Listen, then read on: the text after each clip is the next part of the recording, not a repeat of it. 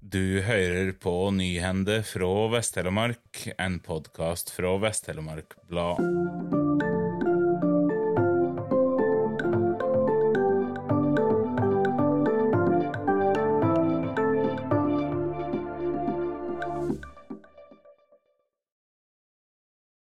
Det blir passkontor ved politistasjonen i Vinje. Det ble stadfesta i statsbudsjettet som ble lagt fram fredag. Vi er veldig glad for at regjeringa har lytta til oss og sett det langvarige arbeidet som er lagt ned for å få passkontoret i Vinje, sier ordfører Jon Rikard Kleven fra Senterpartiet. Han trodde for noen år siden at alt var i boks for å få et passkontor på politistasjonen i kommunesenteret. Daværende justisminister Gøran Kalmyr fra Frp svarer partikollega Bård Hoksrud i 2019 at han ikke ville motsette seg dette dersom merkostnadene var dekket inn lokalt og politimesteren ønskte det. Kommunen levde 100 000 kroner for å bygge opp på et vindfang og legge til rette for passdisk innenfor tryggleggsslusa på politistasjonen. Men med skifte av politimester i Sør-Øst politidistrikt stoppa arbeidet opp. Det har vært en diskusjon om passkontoret nasjonalt, og alle lokasjoner er bestemt. Jeg holder meg til det som er vedtatt, uttaler politimester Ole Bredrup Sæverud til TA i januar 2020, og la til at han hadde andre ting å henge fingrene i. Nå kan endelig Vinje-ordføreren slå fast at arbeidet har gitt resultat. Alt er klart, sier Kleven, som ser for seg at det i løpet av neste år vil være mulig å sikre seg pass i Åmot. Arbeiderpartiet har nå valgt ut gjengen som skal leie arbeidet med å lage ny politikk til neste valg. Programkomiteen skal nå jobbe sammen og lage et forslag til partiprogram som så skal vedtas på landsmøtet våren 2025. Lene Vågslid fra Dalen er blant de som har plukka ut. Jeg synes det er stor stas å få tilliten av sentralstyret til denne viktige jobben. Jeg gleder meg til å bidra sammen med masse gode partifolk og under stødig leding av Tonje Brenna, skriver Vågslid på Facebook etter at nyheten ble offentlig. I programmet blir politikken fastsatt til Arbeiderpartiet i perioden 2025 til 2029.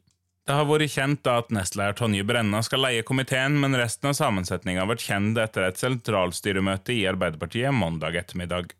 I tillegg til Brenna er følgende medlemmer med i programkomiteen. Astrid Villa Eide Hoem fra AUF, Ahmed Lindov, statssekretær fra Agder, Rune Bakevik fra Vestland, Emil Raan fra Trøndelag, Kari Nessa Nordtun fra sentralstyret og fra Rogaland, Ausman Mustak fra Oslo, Siri Martinsen fra Østfold, Thomas Breen fra Innlandet, Lene Vågslid fra stortingsgruppa og fra Telemark, Tom Einar Karlsen fra Troms, Sigurd Rafelsen fra Finnmark, Hanne Berit Brekken fra Møre og Romsdal og Are Thomasgard fra LO. Fra natt til onsdag er det venta snøbyger i fjellet i Sør-Norge. Lokalt kan det komme opp til 60 cm snø. Meteorologisk institutt melder mandag at det kunne komme opp til 40 cm snø enkelte steder, men tirsdag er dette oppjustert til 60 cm. Fra natt til onsdag er det venta snøbyger i fjellområdene over 800 000 meter over havet. Dette vil holde fram til torsdag ettermiddag. Lokalt kan det komme 25-60 cm snø i denne perioden. Det er også venta kraftig vind og snøfokk, skriver meteorologene på yr.no. Statsmeteorolog Julie Solvik Vågane sier til Bergensavisen at folk bør forberede seg på kolonnekjøring og stengte veier over fjellet. Torpe Fanten var endelig tilbake som en vinner da Halvor Smelands seksårige Kalbrodstraver gikk til topp på Klosterskogen søndag kveld.